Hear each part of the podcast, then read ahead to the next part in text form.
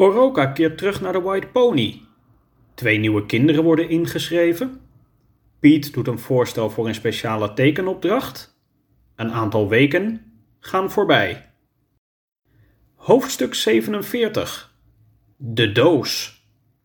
Sommige dagen waren de kinderen druk en ongeconcentreerd en kwam er van taalopdrachten en rekenwerkjes maar weinig terecht. Daartegenover, aan de andere kant van wat een dag kon inhouden, stonden rustige dagen, waarin de kinderen weinig aandacht nodig hadden, omdat zij allen opgingen in eigen werk of spel. Het was op zo'n dag, een rustige dag, dat Oroka besloot in huis wat kleine klusjes uit te voeren. Terwijl hij in de keuken een emmer met heet water vulde en er wat schoonmaakmiddel aan toevoegde, kwam Brandon naast hem staan. Wat ben je aan het doen, meester? Ik ga wat ramen schoonmaken, Brandon. Sommige ramen zitten onder de vingerafdrukken van jou en je klasgenoten. Dat is vies. Dus ik ga ervoor zorgen dat die ramen zo weer schoon zijn. Ik was net even buiten om naar streep en klauw te kijken. Dat weet ik. Dat had je netjes gevraagd.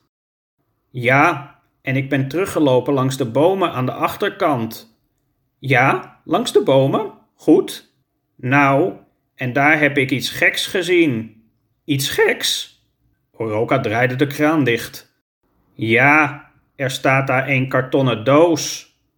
Een kartonnen doos? Zitten er spullen in? Dat weet ik niet. Ik vond het raar, dus daarom vertel ik het nu. Dank je, Brandon. Ik ga zo wel even kijken. Oroka liep met zijn emmer sop naar de ramen en begon te boenen. Nadat hij klaar was en hij het laatste raam had gedroogd, liep hij naar een van de rekenposters die aan de muur hingen.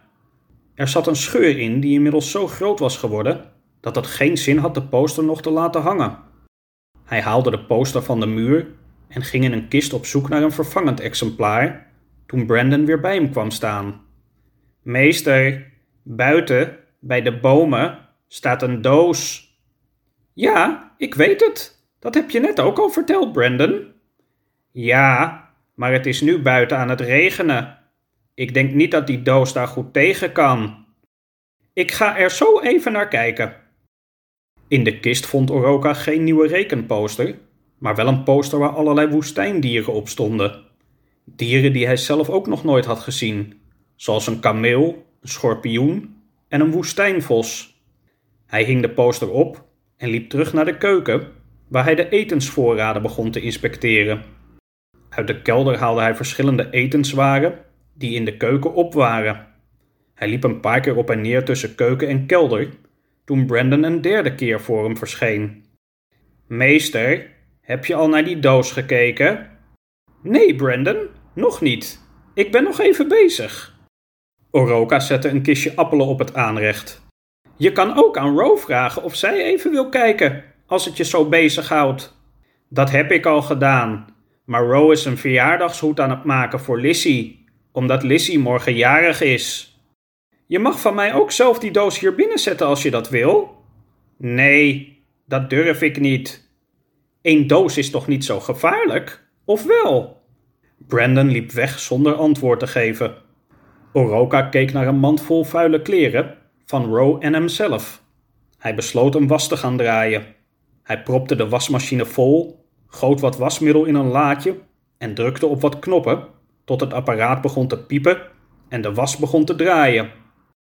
Meester, wat is er, Brandon? Ga je nou weer over die doos beginnen? Ik dacht dat je het misschien was vergeten. Nee, ik ben het niet vergeten. Het begint buiten steeds harder te regenen. Ja, ik zie het. En ik ga nu eerst even de kamer hiernaast stofzuigen. Nadat Oroka klaar was met stofzuigen, was het alweer snel drie uur. De kinderen werden opgehaald. Melissa was voor haar doen erg vroeg. Om kwart over drie waren alle kinderen vertrokken en keken Oroka en Ro naar een lege zaal. Samen zetten ze wat stoelen recht en ruimden ze nog wat kleine spullen op. Brandon was vandaag de hele tijd over een doos aan het zeuren. Ja, hij is ook een paar keer bij mij langs geweest. Ik zal eens buiten gaan kijken. Het was gestopt met regenen, maar het gras van het gazon, dat nodig eens gemaaid moest worden, was nog zo vochtig dat Oroka's schoenen en broekspijpen al na enkele stappen nat waren. Hij liep langs het verblijf van Streep en Klauw en groette de dieren, die beide onder een kleine overkapping lagen, die hem beschermde tegen regen en wind. Hij liep verder naar achteren, tot aan de rand waar de bomen begonnen, en zag daar, links van zich, op een meter of twintig van waar hij stond, in het gras, inderdaad een kartonnen doos staan. Het was een grote, maar niet erg hoge doos. Oroka kwam dichterbij en zag dat het karton deels doorweekt was. Op de bovenkant had zich een kleine plas water gevormd. Naast de doos lag een groene plastic zak. Precies zo'n zak als hij in Awesome City voor Larry in ontvangst had genomen. Hij deed een paar stappen achteruit en keek verschrikt om zich heen. Larry zou hier toch niet zijn? Nee, dat was bijna onmogelijk. Als Larry hem was gevolgd, had hij daar al lang iets van moeten merken. Hij keek nog eens wat beter naar de doos, zag dat deze aan één kant open was en dat er iets uitstak. Dat lijkt wel een. Is dat een? Ja, dat is een slaapzak. Hallo, is daar iemand? Hallo? Oroka duwde de doorweekte slaapzak aan de kant en keek voorzichtig naar binnen. Voorin stonden een leeg blikje cola en een half leeggegeten kommetje spaghetti-sliertjes. Oroka inspecteerde de doos niet verder, maar begon beter om zich heen te kijken. Aan een boom zag hij een klein zakje afval hangen. Hij liep behoedzaam tussen de bomen door en bleef goed om zich heen kijken, tot hij de smalle bomenstrook uitliep en een hek bereikte dat bestond uit een rij houten palen en drie gammele rijen ijzerdraad en dat het terrein van de White Pony scheidde van dat van de buren. Daar, aan de andere kant van het hek, midden in het vochtige, dampende veld, stond een man in een regenjas, met zijn armen wijd uiteen en zijn gezicht naar de hemel gericht, alsof hij klaar stond om datgene in ontvangst te nemen wat de hemel hem te bieden had, of dat nu regen of zonneschijn zou zijn.